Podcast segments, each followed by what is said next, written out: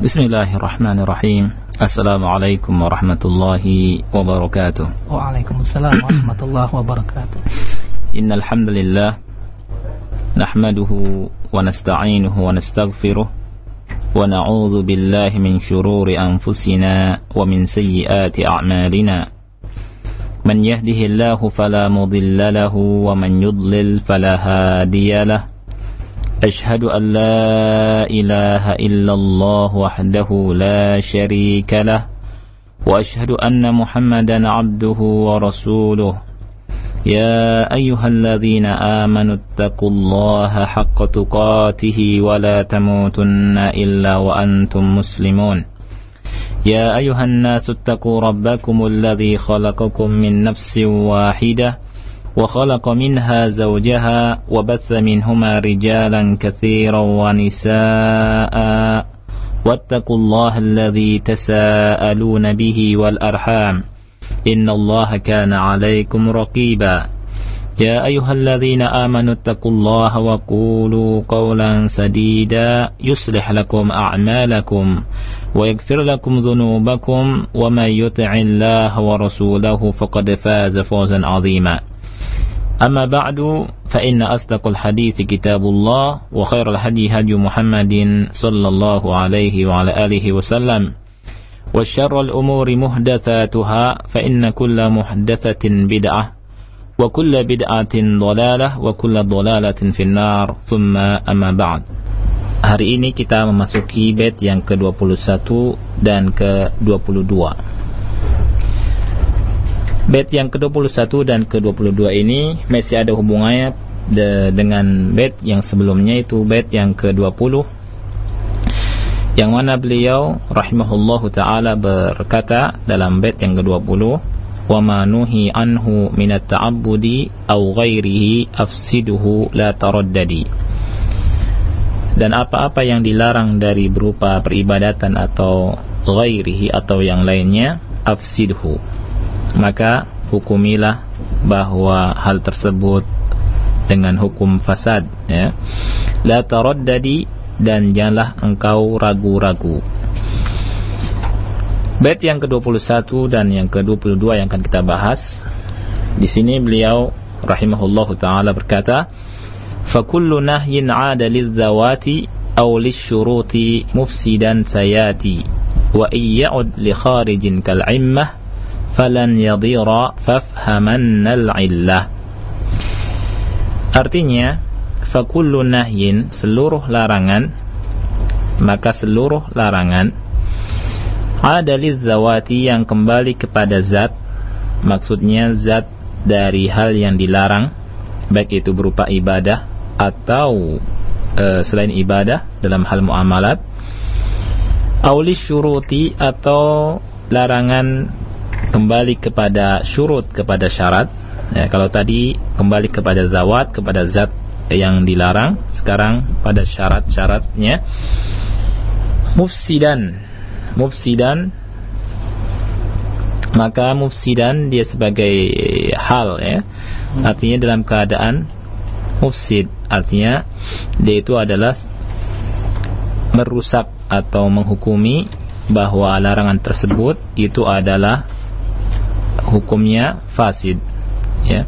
Jadi setiap larangan yang kembali kepada zat atau syurut itu dihukumi fasid sayati sayati di sini artinya dia akan datang. Artinya akan datang penjelasan tentang hal ini.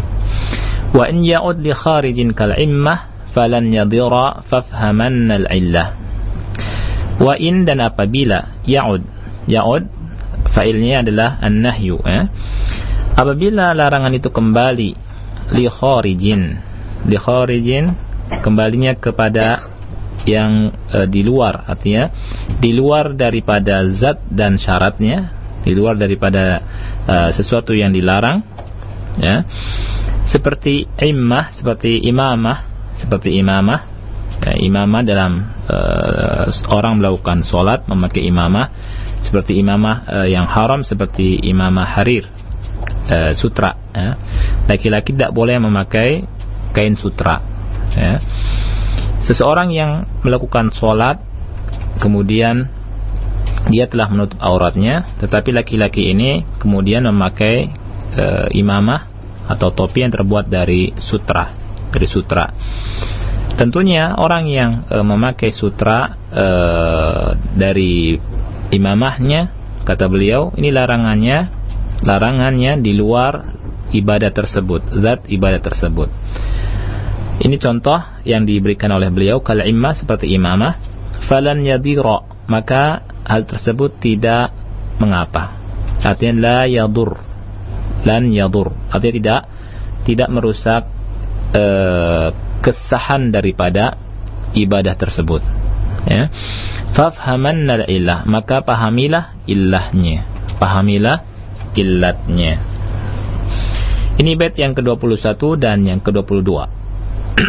Tayyib. E, para pendengar yang dimuliakan oleh Allah Subhanahu wa taala, kita sekarang memasuki syarah penjelasan dari dua bait ini yang kita akan mencoba membacanya dan perlu diperhatikan karena banyak sekali faedah yang bisa kita ambil dari penjelasan beliau yang mudah-mudahan ini sebagai uh, bekal kita sebagai ilmu yang bermanfaat. Qauluhu perkataan An-Nazim, perkataan yang membuat mandumah eh, yaitu beliau sendiri Syekh Muhammad bin Shalih Al-Utsaimin. Fakullu kalimat fakullu dimulai dengan fa. Ya fakullu dimulai dengan fa. Al-fa'u lit-tafri' fa fungsinya dalam bait ini untuk tafri' tafri' dari kata fara' artinya cabang artinya apa beliau berkata di sini isyaratun ila anna hadzal bait ila anna hadzal baita mufarra'un ala ma qablahu. Ini merupakan isyarat bahwa bait ini adalah cabang dari bait sebelumnya. Kemudian beliau berkata kullu adalah mubtada'un. Kullu dari sisi i'rab adalah mubtada. Sayati adalah khobaruha. Jadi khobar dari mubtada adalah lafad sayati. Ya, sebenarnya sayati. Tapi karena sesuai dengan uh, bait mandumah maka sayati. Eh sayati. Fakullu nahyin ada lidzawati aw lisyuruti mufsidan sayati. Tayyib. Kalimat mufsidan, mufsidan hal. Hal min fa'il ya'ti adalah hal dalam ilmu i'rab ini adalah hal ya. Dari fa'il fa'ilnya ya'ti. Ya'ti adalah fa'ilnya domirun mustatirun domirun mustatirun uh, jawazan takdiruhu huwa ya. Domirun mustati, mustatirun jawazan takdiruhu huwa kembali kepada kul. Nah. Wasinu lit tahqiq. Kalimat sin ini untuk tahqiq artinya sungguh akan datang Kemudian uh, perkataan beliau perkataan An-Nazim kalimat dari bait yang ke-22. Wa iyya'ud wa iyya'ud dan apabila dia datang ad-dhamir ya'udu 'ala nahyi. Domir artinya domir di di di sini domir artinya fa'il dari kata ya'ud kembali kepada an-nahyu larangan fa kullu nahyin fa kullu nahyin fa kullu nahyin. Li'annahu qala fa kullu nahyin 'ada lizawat. Wa in ya'ud ya'ni an-nahyu apabila larangan itu ila amrin kharijin an zatil ibadati wa syartiha apabila kembali kepada apabila kembali kepada perkara di luar zat ibadah dan syaratnya kal immah seperti imamah ya ay kal imamati al muharramah seperti imamah yang diharamkan. Imamah yang diharamkan adalah seperti imamah e, seseorang memakai kain menggunakan imamahnya terbuat dari kain sutra, ya. Atau imamah yang hasil curian. Nah, Qauluhu perkataan beliau falan yadira ay yadur ay falan yamna min as-sihha falan yamna falan yamna min as-sihha artinya tidak menghal, tidak menghalangi hukum sahnya. Hukum sahnya sebuah uh, ibadah tersebut. Fafhamanna al-illah maka fahamilah illahnya. Fahamilah illah dari hal tersebut. Wal illatu annahu kharijun an dzatil ibadati wa syartiha. Dan ilatnya ini keluar dari zat ibadah tersebut dan syarat ibadah tersebut. Lianna al-imamata laysat syartan fi shalah. Karena imamah uh, bukan syarat dalam salat. Id tasihhu salatu biduni imamatin. Karena salat menjadi dihukumi dengan sah walau tanpa imamah. Wan nahyu an lubsil imamatil muharramati laysa nahyan an dhatis shalah. Dan larangan dari memakai imamah yang diharamkan seperti imamah yang tadi saya katakan imamah dari kain sutra laysa nahyan an dhatis shalah.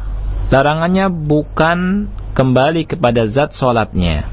Ya, fasara hadza ghaira mujibin li fasadis shalah. Maka hal ini bukan sesuatu yang membuat dihukumi fasadnya sholat seseorang. Dari penjelasan pertama kali sampai uh, tadi yang kita baca ini merupakan penjelasan dari sisi bahasa. Kemudian beliau rahimahullah taala dalam paragraf selanjutnya menjelaskan secara terperinci dari makna bait ini, dua bait ini. Beliau berkata rahimahullahu taala, "Fahadzal baitani kat-tafsil lil ijmal as-sabiqi fil bait alladhi qablahu."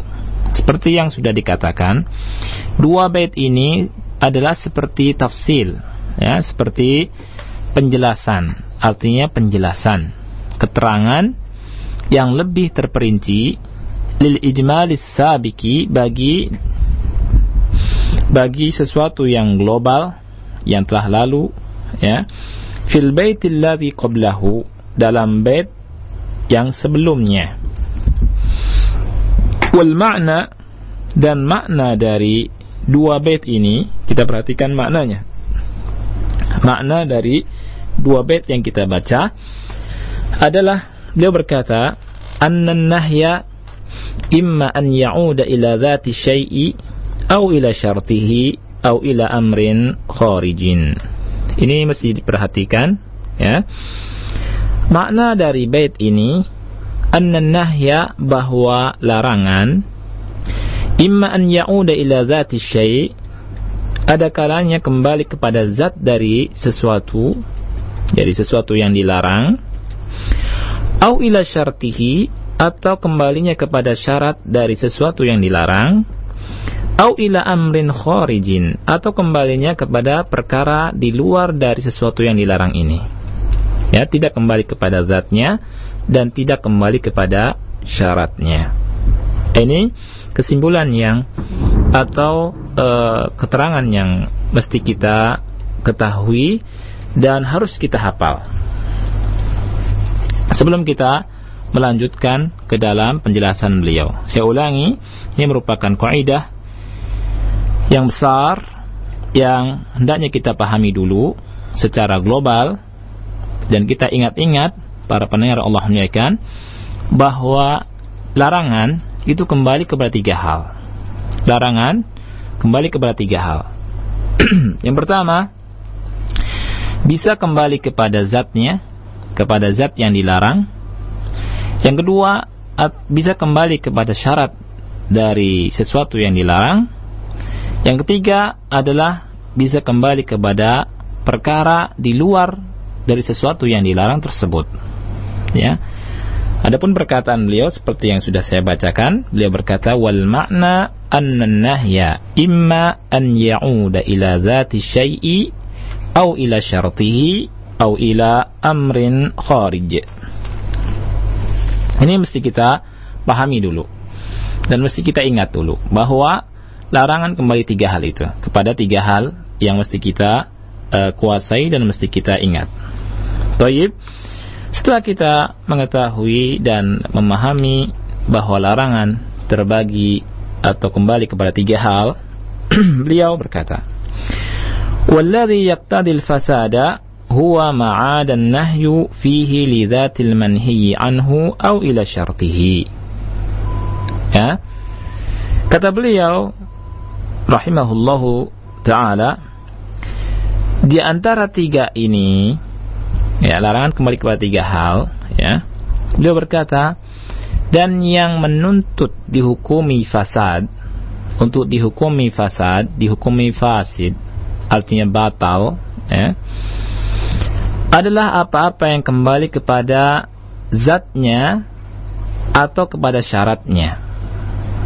Jadi tiga hal ini dua yang dihukumi apabila dihukumi uh, apabila kembali kepada apa zat yang dilarang atau syaratnya maka dihukumi fasad. Adapun yang ketiga kepada perkara yang di luar maka ibadahnya atau yang lainnya temu amalahnya tidak dihukumi fasid. Baik.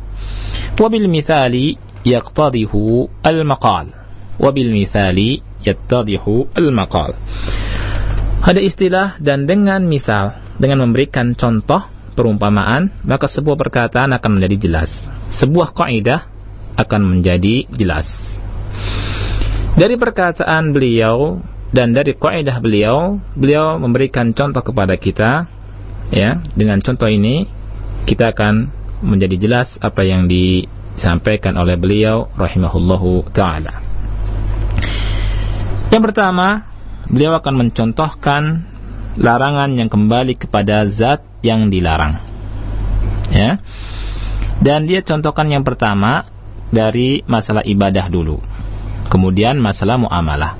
Ingat yang pertama, al-aid ila zatil manhi anhu fil ibadah kata beliau. Contoh yang pertama, sebelum saya uh, bacakan, saya akan uh, ucapkan kembali uh, katakan lagi dan kita uh, baca apa namanya ucapkan lagi agar uh, kita lebih memahami.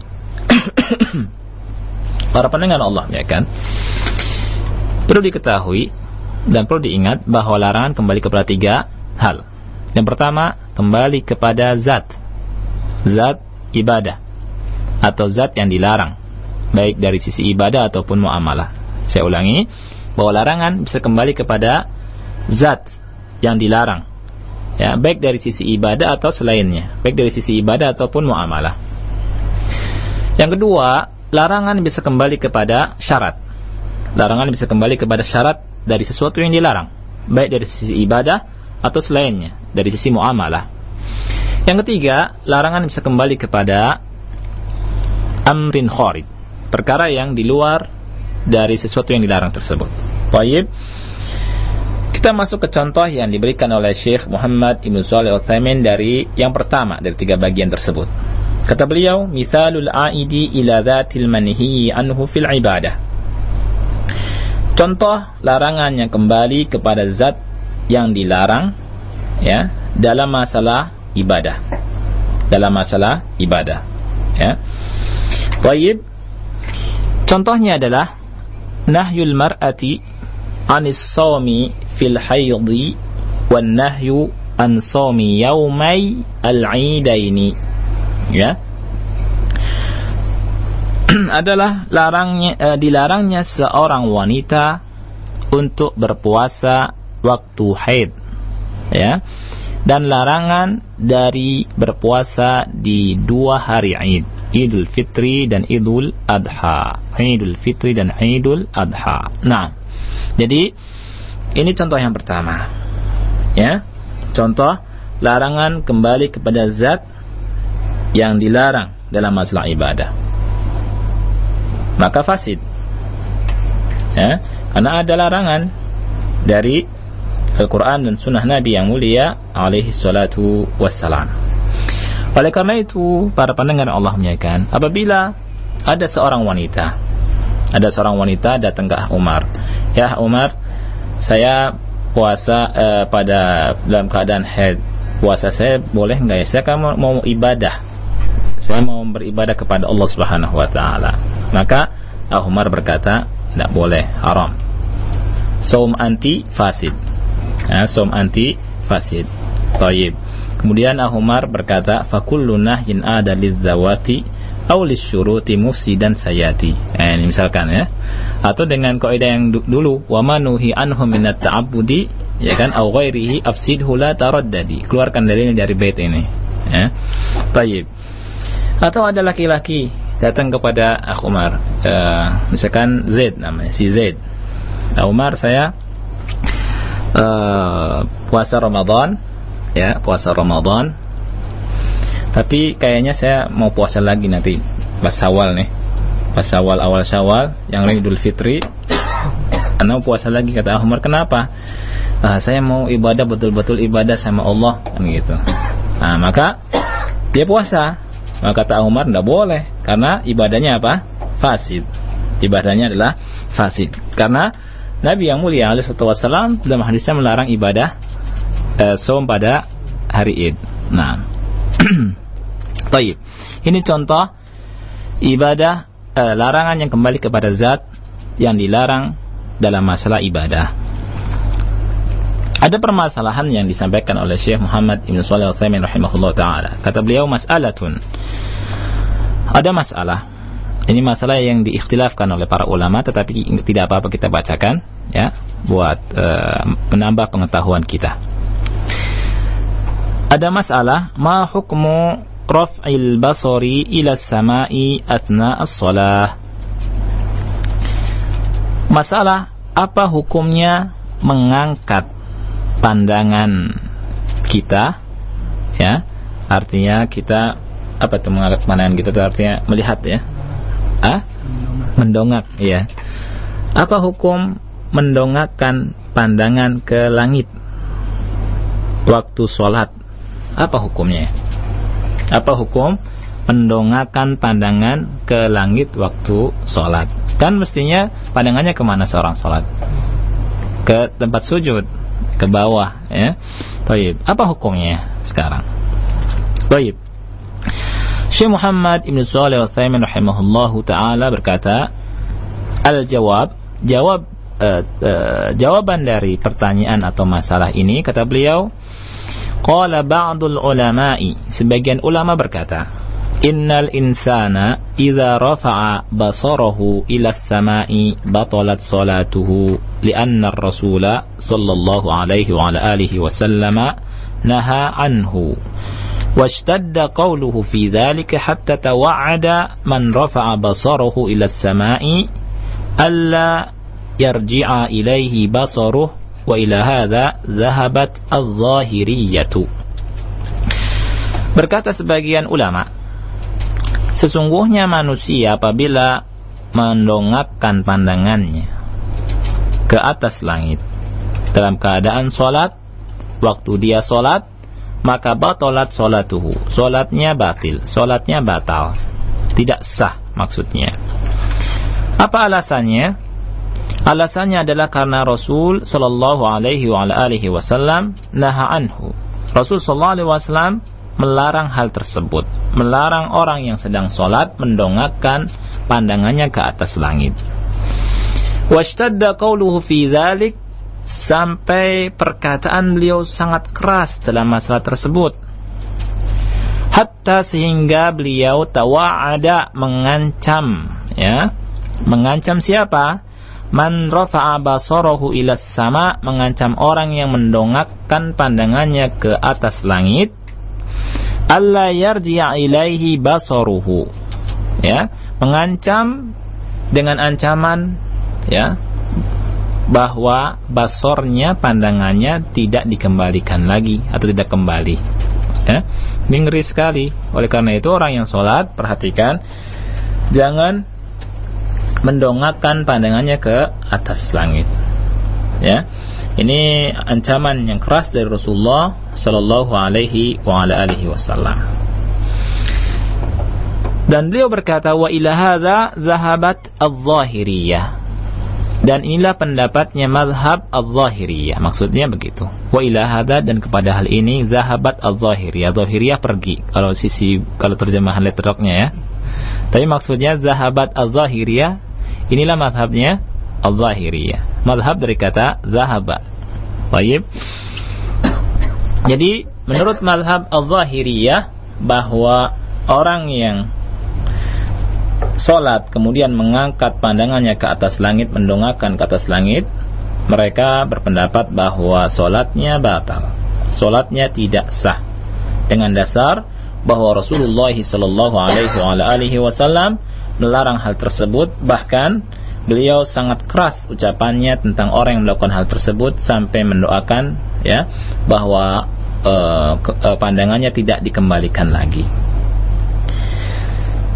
Kemudian Al-Syekh Al-Allamah Al-Faqih Al-Usuli Al-Syekh Muhammad Ibn Salih Al-Uthaymin rahimahullah berkata Lakin akan tetapi Lakin al-jumhura akan tetapi jumhur kebanyakan para ulama kalimat jumhur adalah kebanyakan para ulama Yaqulun mereka berkata Inna hadha la yazalu mustaqbilan al-kiblata. Kalau mau dibacanya lurus, inna hadza la yazalu mustaqbilanil kiblata. Ya. Sesungguhnya orang ini masih menghadap kiblat. Walau rafa'a basarahu, walaupun dia mendongakkan pandangannya. Fa idza kana kadzalik sahhat salatuhu Apabila hal tersebut seperti itu, maka solatnya tetap sah. Ini pendapat jumhur al-ulama. Ya.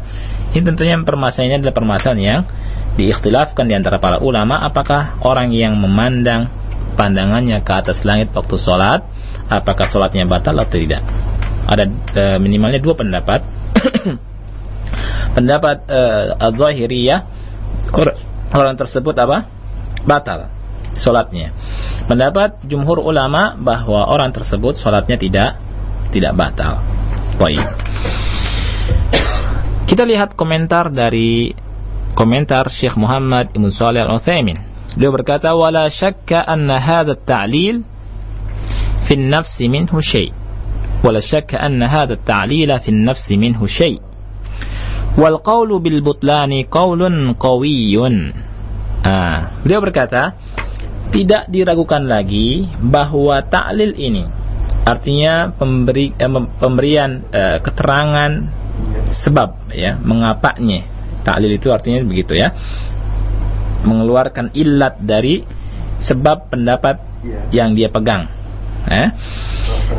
dari taklilnya jumhur kata Syekh Utsaimin fi nafsi minhu artinya beliau masih belum tenang dengan taklil yang dikemukakan oleh jumhur ulama ya jadi taklil pendapat keterangan yang disebutkan oleh Syekh uh, oleh jumhur ulama kata Syekh fi nafsi minhu syai'. Baik. Wal qawlu bil butlani qawlun qawiyyun. Sedangkan pendapat tentang batalnya salatnya orang yang memandangkan pandangannya ke atas langit, kata beliau, adalah qaulun qawi, pendapat yang kuat. Ini pendapat yang kuat dari sisi ta'lil. Baik. Dan apabila para pendengar ingin mengetahui lebih luas tentang apa yang dikatakan oleh Syekh dari masalah ini bisa dilihat di kitab beliau di Asy-Syarh Al-Mumti' ala Zad Al-Mustaqni'. Beliau uh, sedikit berpanjang panjang lebar tentang masalah ini di uh, masalah tersebut, di buku tersebut.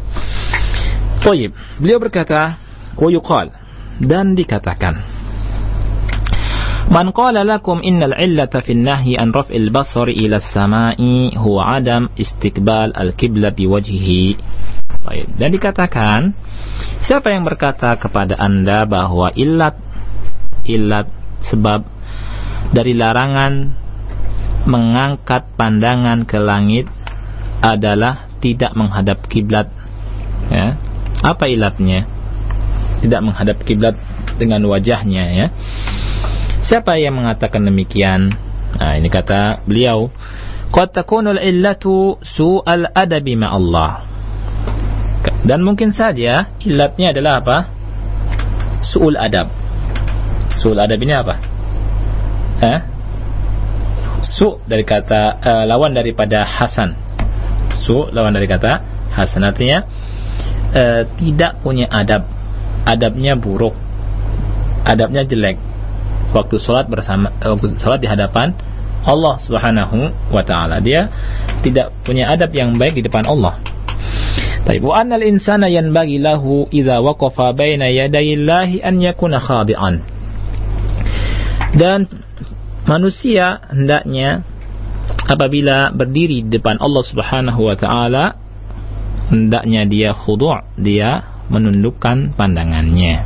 Ini kesempurnaan daripada husnu al-adab, adab yang sempurna apabila seseorang beribadah kepada Allah Subhanahu wa taala ya, beribadah ibadah salat maka hendaknya menundukkan pandangannya di depan Allah Subhanahu wa taala sebagaimana dicontohkan oleh Rasulullah SAW di, di pandangannya ke sujud. Nah. Baik. Ini permasalahan ya eh, tentang masalah yang kembali kepada zat yang dilarang dalam masalah ibadah.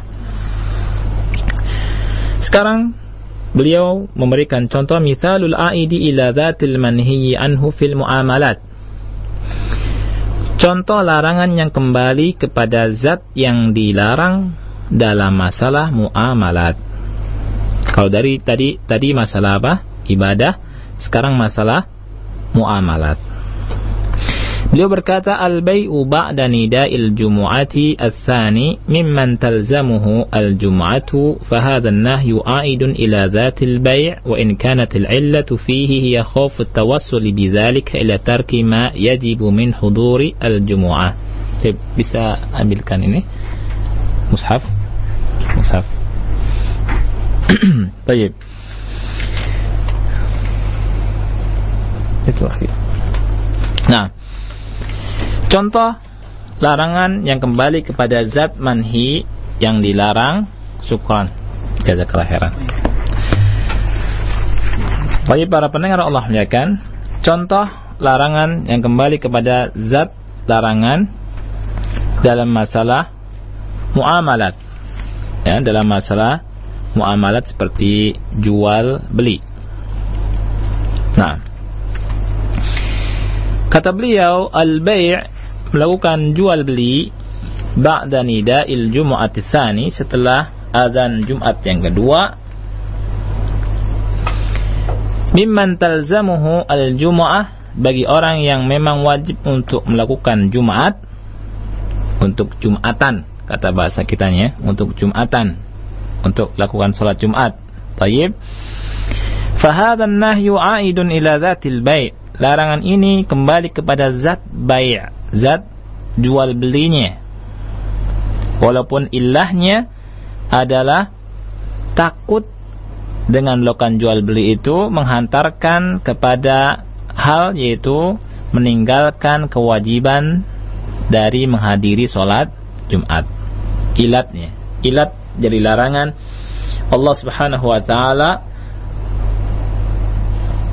bagi orang melakukan jual beli uh, di, di di setelah apa namanya nida setelah azan kedua itu adalah apa takut uh, meninggalkan kewajibannya dari berupa apa menghadiri Jumat.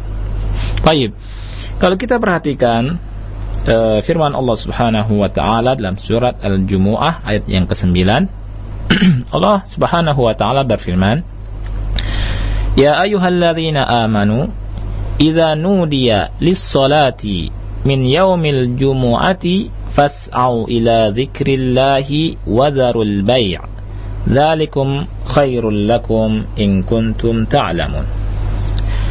Yang artinya wahai orang-orang yang beriman idza nudiya lis-salati min yaumil jumu'ah apabila diseru untuk menunaikan salat pada hari Jumat fas'au ila dzikrillah maka bersegeralah kamu kepada mengingat Allah.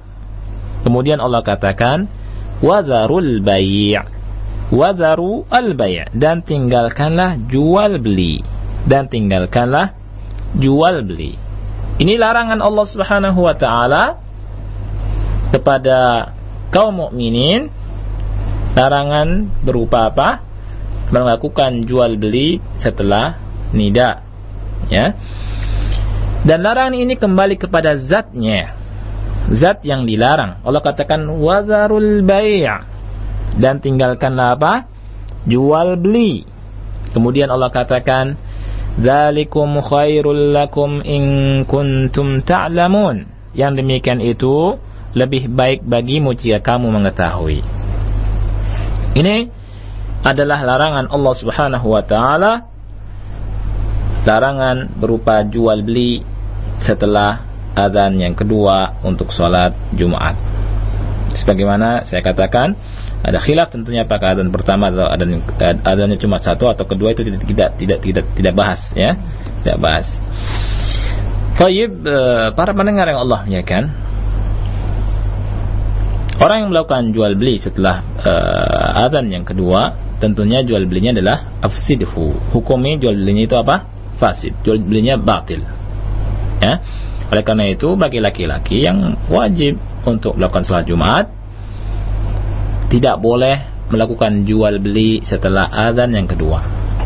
Dan hukum jual belinya itu fasid sebagaimana apa yang sudah kita sampaikan pada pertemuan-pertemuan yang telah lalu. Apabila dihukumi fasid, wajib bagi pembeli untuk mengembalikan barangnya dan wajib bagi penjual untuk mengembalikan tamannya, mengembalikan duitnya. Ya. Karena jual belinya haram, jual belinya fasid. Baik. Tetapi subhanallah banyak yang e, dilanggar dari aturan Islam ini oleh sebagian saudara kita ya. Banyak di antara mereka yang tidak mengetahui hukum ini. Walaupun sudah azan, santai-santai sebagian besar eh, sebagian dari saudara kita kaum muslimin ya. Iya ada yang santai-santai duduk-duduk minum-minum makan-makan kemudian melakukan jual beli masih tidak mau nutup eh, apa namanya? Nutup tokonya Eh, ini musibah besar. Ha? musibah yang atau sesuatu yang sangat memprihatinkan kita kaum muslimin ya. Nah baik beliau berkata kullu hadza ada fihi an-nahyu ila dhati syai'i fala yasihhu lid-dalili wat-ta'lil as-sabiqi fi syarhi al-bait alladhi qablah. Nah Hal ini semuanya kembali uh, larangannya kembali kepada zat dari sesuatu yang dilarang fala yasih. Maka tidak dikatakan sah ibadahnya dan muamalatnya dan jual belinya karena dengan dasar dalil yang tadi disebutkan dan ta'lil ya dari sisi akal tatkala menjelaskan bait yang sebelum ini ya seperti dalil bahwa Allah Subhanahu wa taala tatkala melarang sesuatu uh, Allah tidak ridha tentang hal tersebut dan uh, tidak akan diterima oleh Allah Subhanahu wa taala. Nah. Yang kedua, akhi. Sudah waktu ya? Sebentar lagi. Qauluhu perkataan beliau, perkataan Nazim, perkataan Syekh Utsaimin, ya. Auli syurut atau e, larangan kembali kepada syarat saya baca dengan cepat nih. Idza 'ada an-nahyu lisyarti fa innal masyruta la yasih. Apabila larangannya kembali kepada syarat yang dilarang, maka al-masyrut sesuatu yang disyarati itu tidak sah. Li'annahu idza 'ada lisyarti fasada syartu. Karena sesungguhnya apabila larangannya kembali kepada syarat, maka syaratnya fasid. Wa idza fasada syartu fasadal masyrut. Apabila larangan itu apabila syaratnya fasid, maka yang dilarang yang disyaratkan juga adalah sesuatu yang fasid tentunya. Jadi fasid ya. Fala tasihul ibadatu. Maka ibadahnya tidak sah. Baik, apa contohnya? Famatalan, contohnya. Idza qala syar'u apabila syariat berkata la tatawadda bihadzal ma'i fatawadda bihi lam yasihhul wudu lam yasihhal wudu Janganlah kamu wudu dengan menggunakan air ini. Kemudian orang tersebut wudu, maka wudunya tidak sah. Wudunya tidak sah. Ya, wala tasihus salatu al-mabniyatu ala hadzal wudu. Oleh karena itu salatnya tidak sah ya. Salatnya yang dibangun di atas wudu ini tidak sah. Lianna nahya ada ila syartiha. Karena larangannya kembali kepada syarat sah salat. Kita tahu bahwa di antara syarat sah salat adalah akhifillah mesti apa? bersuci. Taharah. Dan di antara bersuci adalah dengan berwudu. Tatkala orang itu berwudu dengan air yang dilarang, maka wudhunya tidak sah dan solatnya tidak sah. Kita misalkan, bagaimana menghukumi orang yang solat dengan air wudhu tersebut? Maka solatnya tidak sah. Wa min dzalika an-nahyu 'anis salati fil hammam. Ya, fil hammam. Dan di antara hal tersebut adalah larangan solat di kamar mandi. Ya, solat di kamar mandi. Ya kan, solat kamar mandi mestinya tempatnya suci kan? Baik, kamar mandi tempatnya tidak tidak suci. Baik. Larangannya kembali ke mana? Larangannya kembali ke syarat, bukan ke solat itu ya di antara syaratnya tempatnya suci baik kemudian wassalatu fil maqbarah salat di kuburan. Ini salatnya juga tidak sah. Salat di kuburan tidak sah karena ada larangan. Salat di kuburan larangan. Sebagaimana sabda Nabi yang mulia alaihi salatu wassalam dalam sebuah hadis yang dikeluarkan oleh Imam Ahmad dalam musnadnya Abu Dawud dalam kitab juga oleh Al-Imam Abu Dawud dalam sunannya dalam kitab salat bab fil mawadi allati la tajuzu fiha salat kemudian juga Al-Imam At-Tirmidzi kemudian juga Ibnu Majah eh, dari hadis Abu Sa'id Al-Khudri radhiyallahu anhu bahwa Rasulullah sallallahu alaihi wa ala alihi wasallam bersabda al-ardu kulluha masjidun illa al-maqbarah wal hammam. Al-ardu kulluha masjidun illa al-maqbaratu wal hammam. Tanah atau bumi semuanya adalah masjid kecuali makbarah, kecuali kuburan dan kamar mandi. Ya. Kuburan dan hamam ini bukan tempat sholat. Larangan Rasulullah SAW di sini larangannya bukan ke sholatnya, tetapi larangannya adalah kepada syarat yaitu apa? Tempatnya mesti suci. Orang yang melakukan sholat di antara syarat sah sholat adalah tempatnya, pakaiannya mesti apa? Suci. Nah, dan kuburan larangannya karena Rasulullah melarang di situ. faida sholla fa inna sholatahu la tasih. Apabila seseorang sholat di tempat eh, di kedua tempat tersebut maka sholatnya tidak sah li'annal buk'ata buk'atun manhiyun anis salati fiha karena tempatnya adalah tempat yang terlarang untuk melakukan solat di situ. Tayyib. Kemudian, al-ulama lin-nahyi al-'aid ila syart al-ibadati bi rajulin shalla fi thawbin muharramin alaihi. Ulama juga misalkan mencontohkan bagi larangan yang kembali kepada syarat ibadah adalah dengan contoh seseorang yang sholat dengan menggunakan pakaian yang haram. Ya, baik. Syarat sholat di antaranya apa? Menggunakan uh, menutup aurat. Sah? Syarat sholat menutup aurat. Menutup aurat bukan zat sholat ya, tetapi syaratnya. Orang yang sholat lanjang diterima tidak sholatnya? Tidak diterima, mesti pakai pakaian, nutup aurat. Baik. Sekarang orang melakukan kesalahan dengan memakai pakaian sutra untuk laki-laki. Untuk laki-laki memakai pakaian sutra, dia tutupi auratnya dengan pakaian sutra. Nah, dia masih punya pakaian yang lain. Dia pakai pakaian sutra. Tayyib. apakah sah sholatnya atau tidak? Kalau misalnya ada orang datang ke Umar, nah, orang itu adalah kawannya Umar, akhina Umar, Ana punya masalah, misalkan eh, paman saya sholat, kemudian sholatnya pakai pakaian sutra, apakah sholatnya sah atau tidak? Nah, kan gitu. Ah Umar sudah belajar kaidah fikih nih, fikih. Nah, langsung jawab, sholatnya tidak sah. Kan gitu. Oh iya, kata dia kenapa ya, ah Umar, kan gitu. Nah, Umar jawab, hmm, sah Kenapa tidak sah? Karena dia pakai kain sutra dalam sholat dan Rasulullah melarang memakai pakaian sutra bagi laki-laki untuk menutup aurat ya dan larangannya kembali kepada syarat sahnya ya syarat sholat ini. Jadi larangan. Sebagaimana perkataan Syekh Utsaimin kan gitu. Jadi wa kullu kata Syekh Utsaimin wa manuhi anhu min at-ta'abbudi aw ghairihi afsidhu la taraddadi. Nah atau fa kullu nahyin adza lil zawati aw lisyuruti mufsidan sayati. Nah, begitu. Lihat kita perkat jawaban dari Syekh Utsaimin. Misal Kata beliau, "Misal an yusalli fi thawbin haririn ma'a tahrimihi fa inna salatahu la tasih."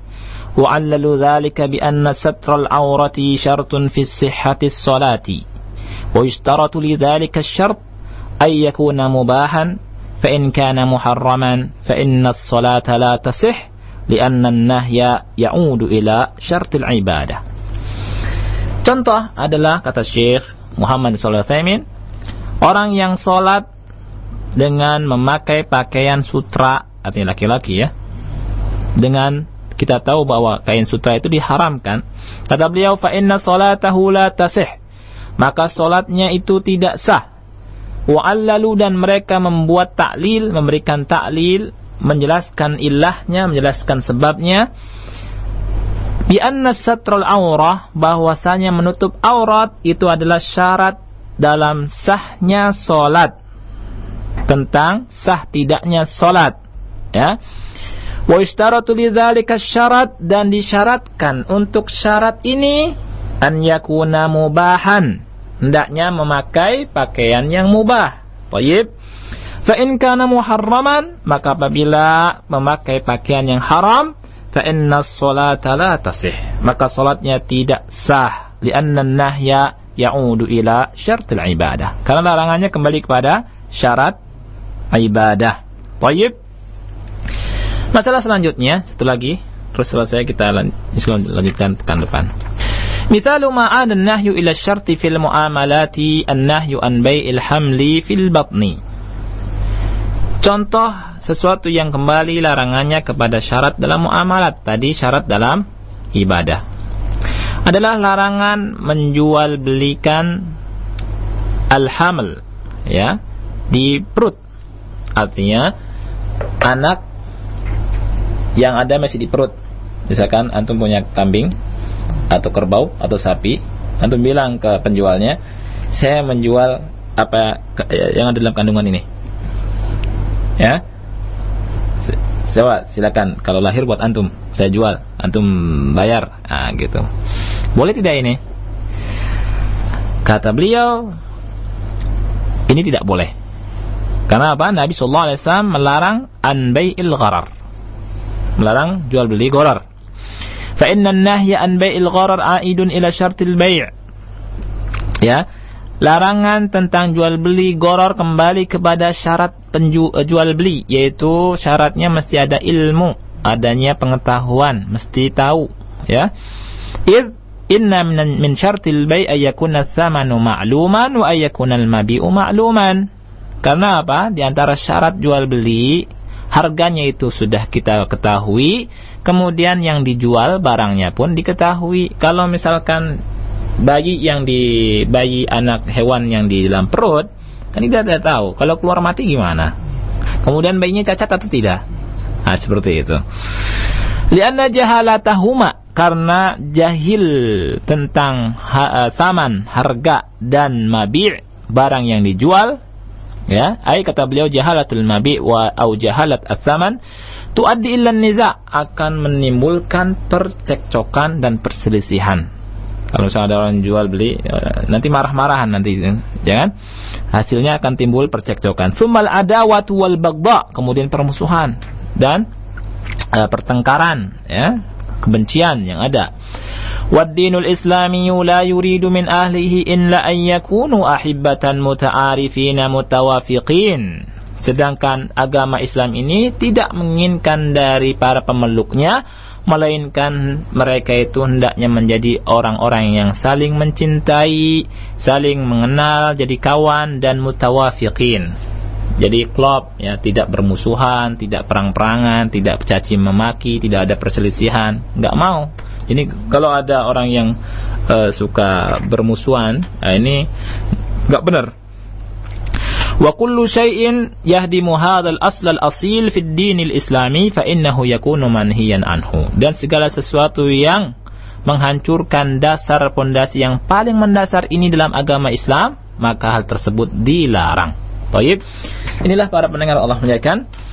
Uh, dua hal, insya Allah pekan depan kita masuk ke larangan yang kembali kepada perkara yang keluar dari uh, sesuatu yang dilarang. Sebenarnya penting sekali, cuma karena waktunya tidak cukup ya, kita gunakan tanya jawab. Insya Allah Taala kita ulas pekan depan sedikit, kemudian kita lanjutkan pembahasan tentang masalah yang ketiga dari kembalinya larangan. Ya, kita tahu bahwa larangan kembali kepada mana? Kepada zatnya yang pertama hmm. kepada yang kedua kepada syarat hmm. dan yang ketiga kepada perkara di luar, di luar hal tersebut. Hmm. Kita sudah membahas dua hal nih. Hmm. Kepada zat dan kepada syarat. Insyaallah taala kita akan bahas tentang masalah larangan kembali kepada perkara yang di luar dari zat ibadah dan syarat ibadah. Baik. Uh, inilah yang mungkin bisa saya sampaikan mudah-mudahan bermanfaat ya. Kita kembalikan kepada Fadilatul Akh Umar. Nah, Ustaz. Jazakallahu khairan atas materi yang telah antum sampaikan dan paparkan dari pembahasan manzumah usul fiqh wa qawaidihi. Yang memasuki nazam yang ke-21 dan 22 dan sebagaimana yang telah antum sampaikan saatnya untuk para pendengar bersoal jawab.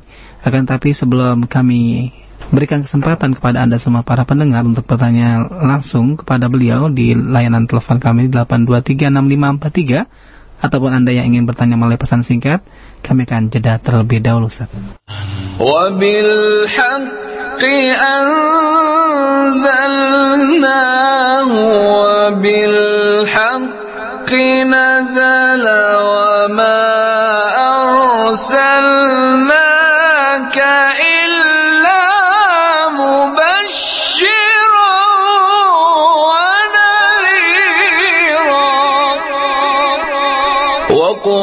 ونزلناه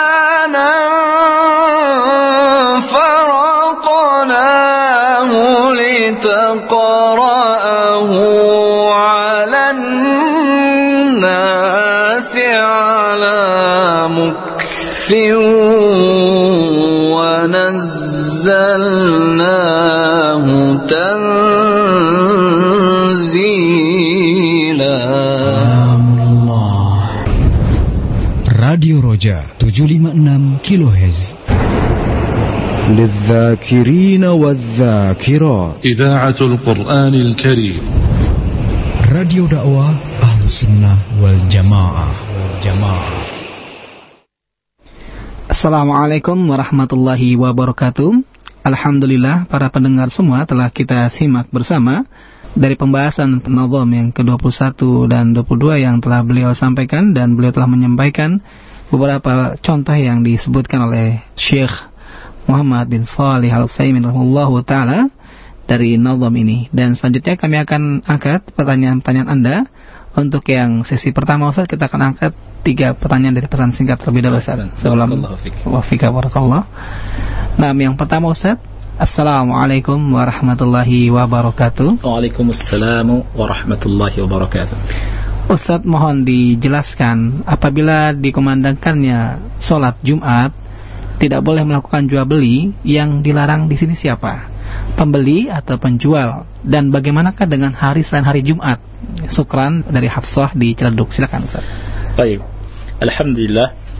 Wassalatu wassalamu ala rasulillah wa ala alihi wa ashabihi wa man wala wa la hawla wa la quwata illa billahi amma ba'd Ikhwati fillah, Allah Ta'ala berfirman tentang masalah ini dalam surat Al-Jumu'ah ayat yang ke-9. Ya ayuhalladzina amanu, idza nudiya lis-salati min yaumil jumu'ati fas'au ila dzikrillahi wa dharul bai' dzalikum khairul lakum in kuntum ta'lamun. Allah Subhanahu wa taala menyeru orang-orang yang beriman dalam ayat yang mulia ini, wahai orang-orang yang beriman, apabila diseru untuk salat apabila diseru untuk menunaikan solat min yaumil jumu'ah dari hari Jumat, salat Jumat maksudnya, fas'au ila zikrillah. Allah katakan fas'au. Ini perintah. Bersegeralah untuk zikrillah. Bersegeralah kamu kepada mengingat Allah. Kemudian Allah katakan wadharu al-bai' dan tinggalkanlah jual beli. Ya. Kemudian Allah katakan dzalikum khairul lakum in kuntum ta'lamun. Itu lebih baik untuk kalian apabila kalian mengetahui. Baik, larangan ini apakah untuk penjual atau pembelinya? Ya. Larangan ini adalah untuk orang yang kata Syekh mimman talzamuhu al-jumu'ah. Untuk orang yang memang wajib melakukan sholat Jumat. Itu apa? Laki-laki, balik, akil dan sehat. Ya. Nah, dan mukim. Untuk laki-laki ini maka tidak boleh ya, baik pembelinya atau penjualnya ya. Bukan pembelinya saja atau penjualnya saja tidak. Dua-duanya penjual dan pembeli masuk ke dalamnya. Begitu juga arisan ya. Arisan laki-laki yang arisan kayak ibu-ibu ya. Ya kalau laki-laki arisan tinggalkan ya. Tinggalkan. Baik. Jadi larangannya kembali kepada hal tersebut. Tinggalkan semua urusan keduniaan kita kembali kepada Allah kita mentaati Allah Subhanahu wa taala dengan bersegera kata Allah fas'au maka bersegeralah. Ila zikrillah untuk mengingat Allah berzikir kepada Allah salat berzikir di situ mendengarkan khutbah ya.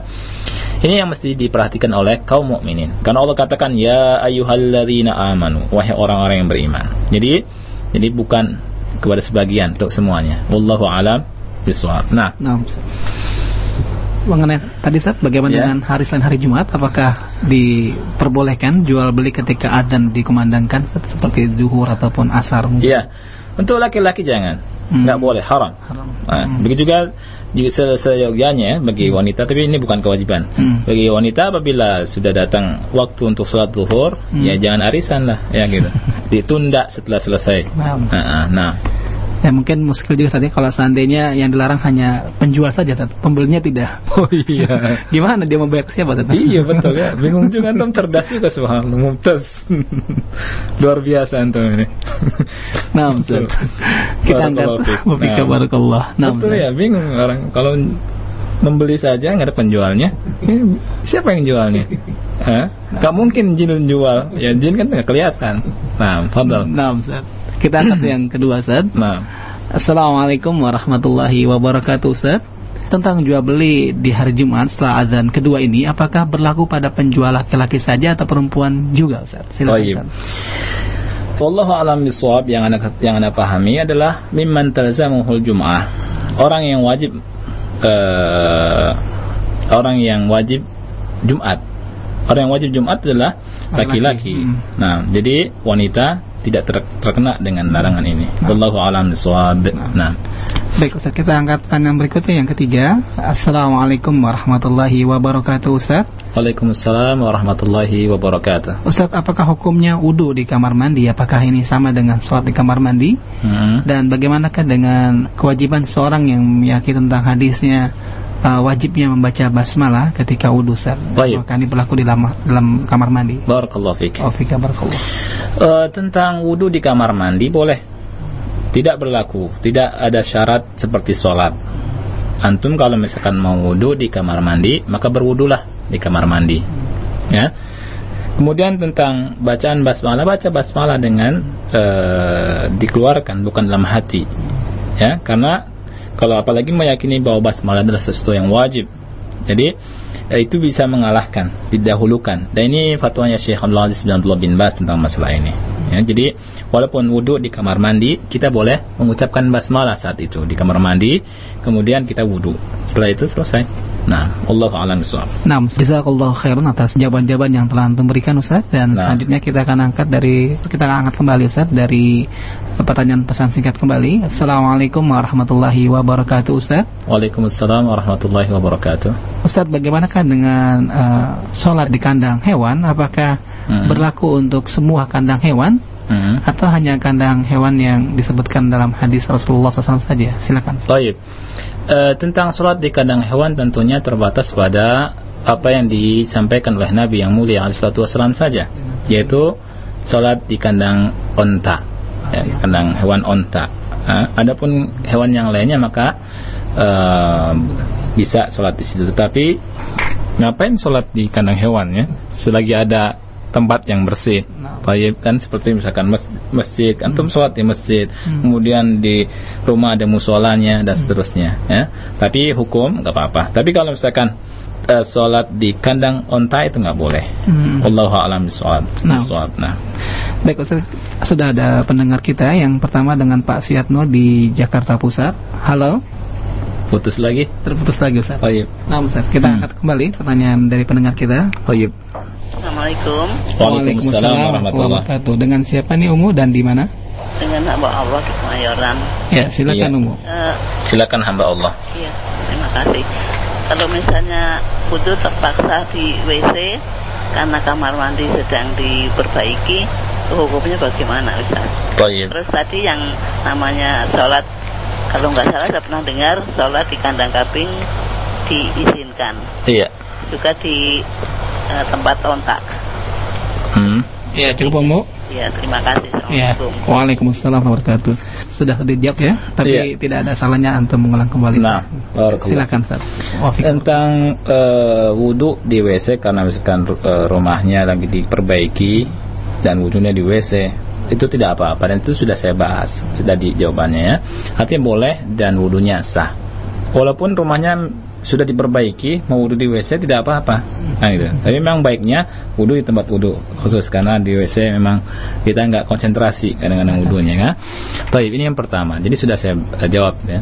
Untuk masalah yang kedua juga uh, sudah dijawab. Artinya sholat di kandang di kandang kambing tidak apa-apa memang ada dasarnya. Adapun sholat di apa namanya kandang onta itu nggak boleh. Ada larangannya dari Rasulullah Shallallahu Alaihi Wasallam Baik, wallahu alam bisawab. Nah. Nah, Ustaz.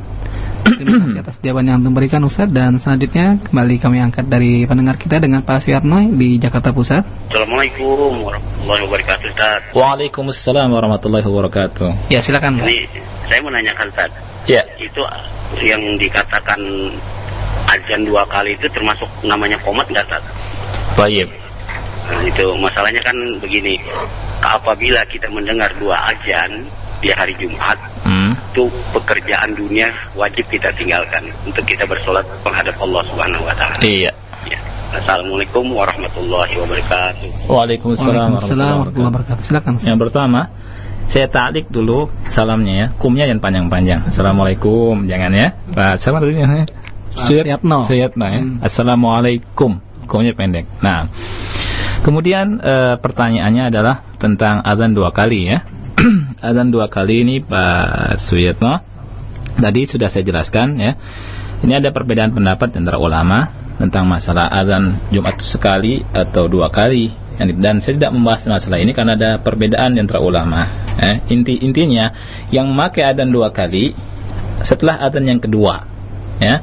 Yang memakai azan sekali itu setelah azan yang pertama itu maksud dari uh, perkataan Syekh Muhammad SAW dan madhab uh, ulama di, di Saudi itu memang menggunakan rata-rata adanya dua kali. Hmm. ya adanya dua kali. Bahkan di Masjidil Haram itu adanya dua kali ya gitu.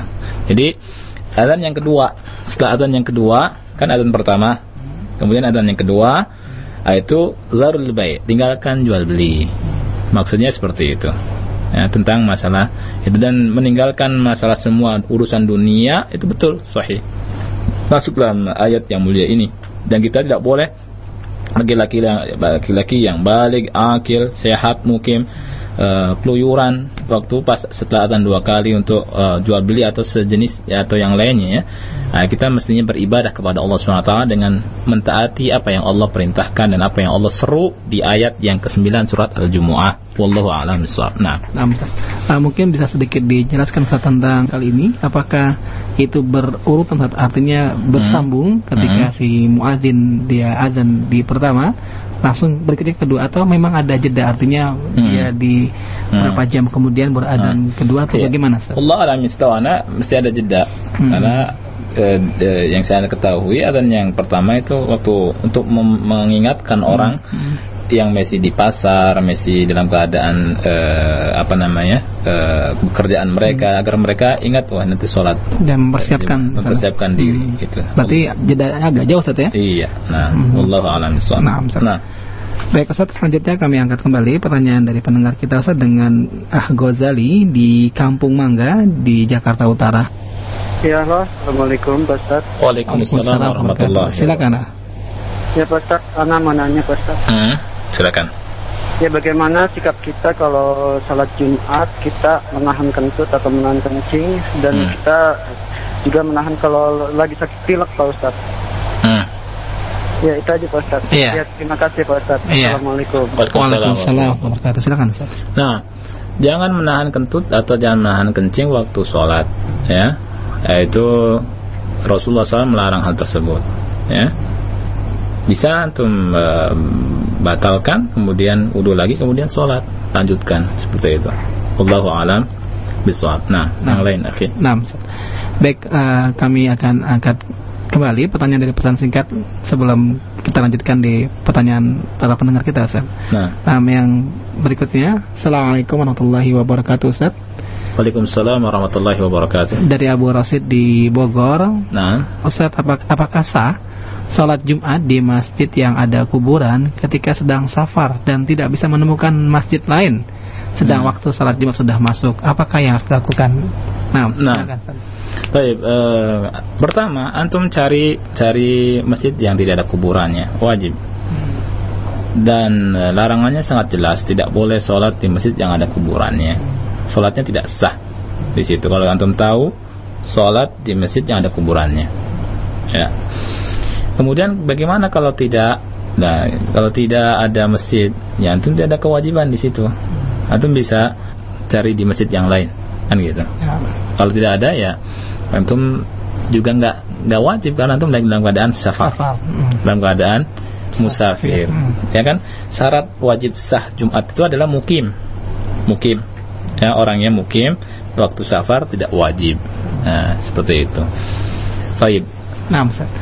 Baik kita angkat kembali pertanyaan dari pendengar kita Assalamualaikum Waalaikumsalam warahmatullahi wabarakatuh. Dengan siapa Pak dan di mana Pak? Wondo di Pondok Kelapa. Ya, silakan Pak. Ya. Ini kah menurut surat Al-Baqarah 144, 149, 150 bahwa kita kan harus menghadap kiblatnya ke Masjidil Haram kalau jauh tidak melihat Ka'bah nih. Iya. Kalau kita 144, 149, 150. Uh -uh. Nah, sedangkan ada hadis lagi yang diriwayatkan oleh Tirmizi kalau salah Hmm. Baina masjid masjidi wal maghribi. Nah, pada saat itu saya sholat misalnya dengan surat 144, 149, 150 Al-Baqarah. Bagaimana hukumnya yang lainnya ngaji baina masjidi wal maghribi Ustaz. Non solusinya tadi Ustaz. Ya. Terima kasih. Assalamualaikum. Waalaikumsalam warahmatullahi wabarakatuh. Nah, ya. untuk keterangan yang rojih menurut para ulama, kalau kita keterangannya ya, kalau kita e, sholat dan melihat Ka'bah di depan Ka'bah, maka kita wajib itijahnya ainul Ka'bah. Itijah kita menghadap ainnya. Zat Ka'bah itu. Kita hadap menghadap ke situ ya. Tetapi kita bukan menyembah Ka'bah. Ini atas perintah Allah Subhanahu wa taala. Karena orang kata kenapa kaum muslimin menyembah batu Ka'bah ini? Ini e, pertanyaan yang e, bodoh, pertanyaan kufur ya. Pertanyaan yang salah karena e, Nabi Adam pun diperintahkan Allah untuk sujud kepada eh Nabi eh, iblis, iblis diperintahkan Allah untuk sujud kepada Nabi Adam. Ya, malaikat juga diperintahkan Allah sujud kepada Nabi Adam. Ya, kalau tidak nurut jadilah e, kafir seperti iblis ya. Nah, kita diperintahkan menghadap Ka'bah dalam sholat kalau kita menghadap Ka'bah, melihat Ka'bahnya, maka kita tidak boleh nyimpang dari Ka'bah ini. Kita melihat Ka'bahnya. Kalau kita di luar atau tidak melihat Ka'bah, maka yang roja adalah jihahnya, arahnya, arahnya, ya. Misalnya Ka'bahnya di timur, ya kita menghadap ke timur arahnya, walaupun tidak 100% pas Nah, Allah alam Oleh karena itu M, uh, fatwa ulama MUI kita tentang bergesernya masjid ke arah uh, apa namanya ke dari Ka'bah itu uh, apakah masjid mesti rubah-rubah lagi? Jawabannya tidak. Dan itu karena ada dasarnya. ada dasarnya nah dan itu yang benar. Dan uh, itu yang anak cenderung ke situ. Allah alam nah Baik Ustaz kita angkat kembali pertanyaan terakhir dengan pendengar kita hamba Allah di Tebet Ustaz. Nah, rata-rata hamba Allah ya. Nah, Ahsan bagi yang pendengar kalau misalkan ditanya man siapa hmm. jawab karena masuk ke rumah orang hmm. ya, adabnya hmm. orang yang eh, saya kasih tahu dulu orang yang mengetuk pintu bertamu hmm. dan seterusnya ditanya oleh tuan rumah Hmm. Siapa man? Kemudian dijawab anak. Hmm. Ah, anak itu Rasulullah marah. Marah. Ya, uh, jangan anak sebutkan anak-anak siapa? Hmm. Fulan kan gitu. Hmm. Dan begitu juga Syekh Bakar Abu Zaid hmm. itu ada nulis kitab Adabul Hatif. Hmm. Adab menelpon. Hmm. Kalau yang ber, yang ditanya siapa jawab. Hmm. Ya. Hmm. Jawab anak fulan atau anak fulana. Hmm. Tidak masalah. Enggak masalah. Hmm. Ya. Hmm. ya. Jadi ini yang mesti diperhatikan. Nah, Baik, iya. fadal satu satu faedah yang sangat berharga sekali saat ya. Nah, karena memang Rasulullah melarang seperti iya. hal itu. Dan yang kedua yang hmm. yang telepon mengucapkan salam.